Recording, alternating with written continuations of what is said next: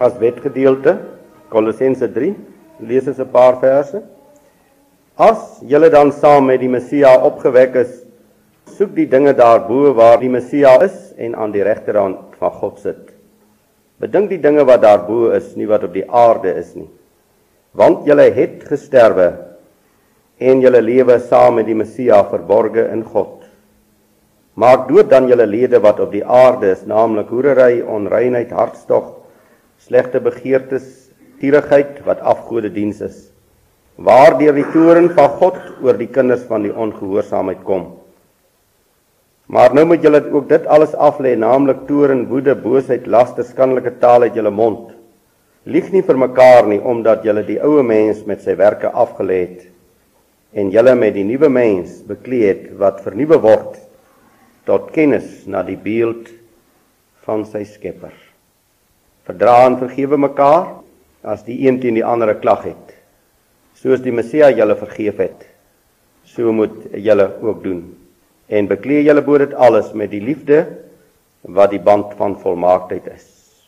En laat die vrede van God en ek wil hê jy moet baie goed luister want die boodskap in die rigting van môre en laat die vrede van God waartoe julle ook in een liggaam geroep is in julle harte heers en wees dankbaar. Ons Hemelvader sonder die kosbare genadewerk dat u aan die vloekhout die volle prys betaal het, kan ons u nie nader nie. En daarom dank en eer en aanbid ons u vanmôre met groot danksegging en blydskap dat die voorhangsel geskeur het dat deur die bloedstorting van Yeshua Messia ons die allerheiligste kan betree. En wanneer ons in u heiligdom inkom, dat ons as geheiligdes en as gereinigdes voor u heilige aangesig buig in kleinheid en in nietigheid in diepe afhanklikheid wil ek maar net voor die voetbank van u voete om vir u te sê Jawe sonder u is ek niks kan ek niks is hierdie gemeente tot niks in staat nie kan ons u nie eens waaragtig dien nie as u nie magtig werk nie. Ons kinderlike gebed is dan dat u in die volmaaktheid van u wese en u werke dat u met ons wonderbaarlik sal handel. Jawe Barmhartige Vader, dat U nie sal ophou om met ons geduldig te wees nie lankmoedig sodat elkeen van ons tot die wasdom sal kom wat U behaag sodat ons ook in die ewige heerlikheid kan instap. By geleentheid het U gesê U het berou dat U die mens gemaak het. O my God, dat daar tog in die Vaderhart nie berou sal wees vir my bestaan op hierdie aarde nie. Maar dat daar vanmôre blydskap sal wees dat u vol vreugde sal wees oor my lewe en oor baie wat hier is of almal wat hier is se lewe. Dat ons sal lewe tot u lof en tot u eer en tot u verheerliking. Dat u vir ons in die stilte sal inbring dat ons waaragtig sal beginne besef wat dit beteken om aan Jawe Almagtig te behoort. Vanmôre buig ons buig ons voor jou hoë aangesig met die gebed. Wat 'n koning Dawid gebid het, was my o God, was my dat ek sal witter word as sneeu. Reinig my sodat daar lofgesange gesing sal word. Sodat Koereman En weier in hierdie land sal weet daar is mense wat God waaragtig liefhet. Wat alles veil het ter wille van die waarheid van u woord. Ontmoet vir ons deur u woord ook vanmôre. En daar is niks wat ons kan vra wat u nie reeds in voorsien het nie. Daar is niks wat ons vir u kan vertel wat u nie weet nie. Daarom buig ons net elkeen ons hart en bestaan. En dat u met ons sal handel. Verheerlik u self in die lieflike naam Yeshua. Amen. Kom ons maak oop by Lukas hoofstuk 16. Die Evangelie van Lukas, die 16de hoofstuk.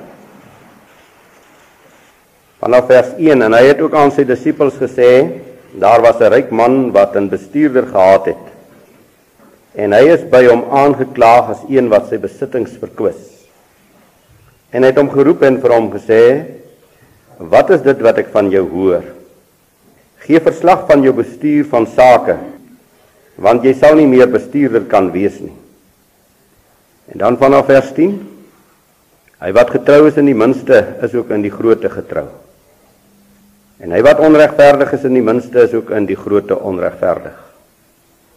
As julle dan nie getrou was in die onregverdige mammon nie.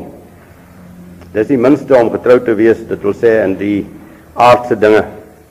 Wie sal julle die ware goed toe vertrou? As julle nie getrou was in 'n ander se goed nie, wie sal aan julle julle eie gee?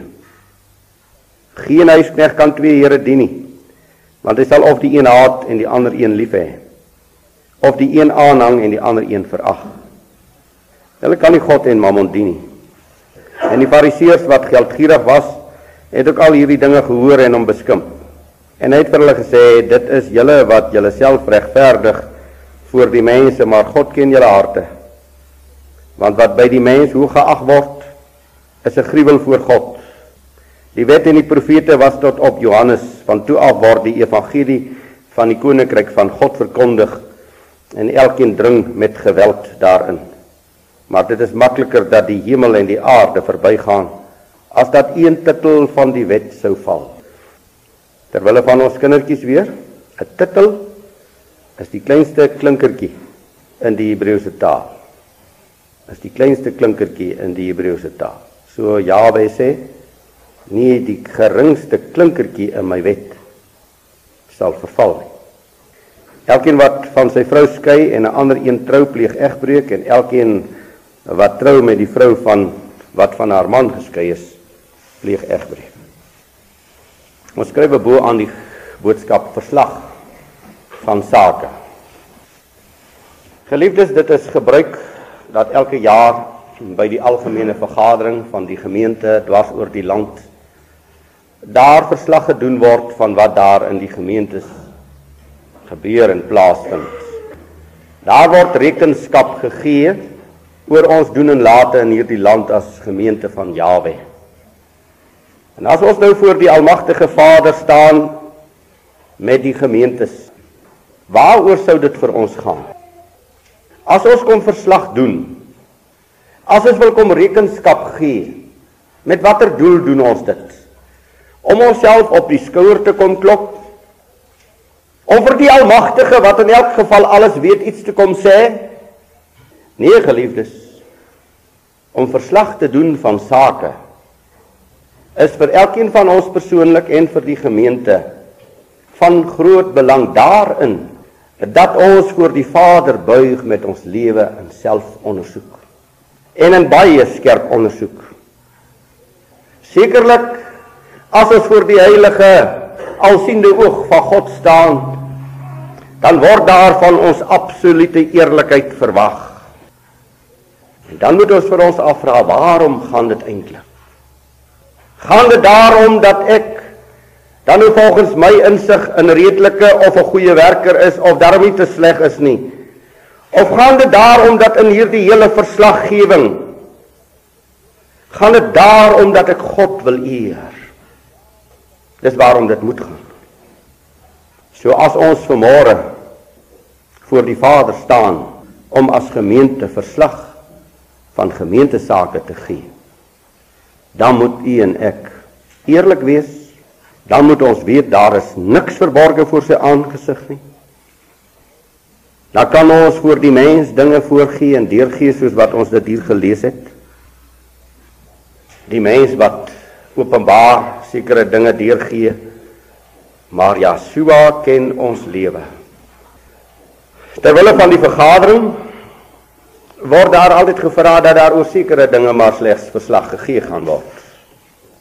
Maar die plaaslike gemeente behoort hulle self volledig voor die Vader te plaas. Ons moet nie net sekere goedjies wil uitsoek en daarvoor wil verslag doen nie. Ons moet oor die hele spektrum van ons lewe en van die gemeente se bestaan moet ons ons in die lig van God plaas en eerlik wees. Dit wat vir jaar gevra is vir die algemene vergadering is maar die algemene toestand in die gemeentes, probleme en oplossings in die gemeente. Die uitlewing van die roeping en die doelstellings in die gemeente. Alsou ek ook hier is vanmôre in hierdie kort tyd tot 'n mense beskikking by alles kan uitkom vir 'n gemeente nie, ook nie eens vanaand nie, by alles kan uitkom nie. Kom terwyl u hier sit Terwyl ons voor die aangesig van Jawe verkeer, kom ons wees eerlik. Kom ons gee so uit die binneste van ons hart vir God verslag van my bestaan, van my lewe en van my doel en wat ek doen.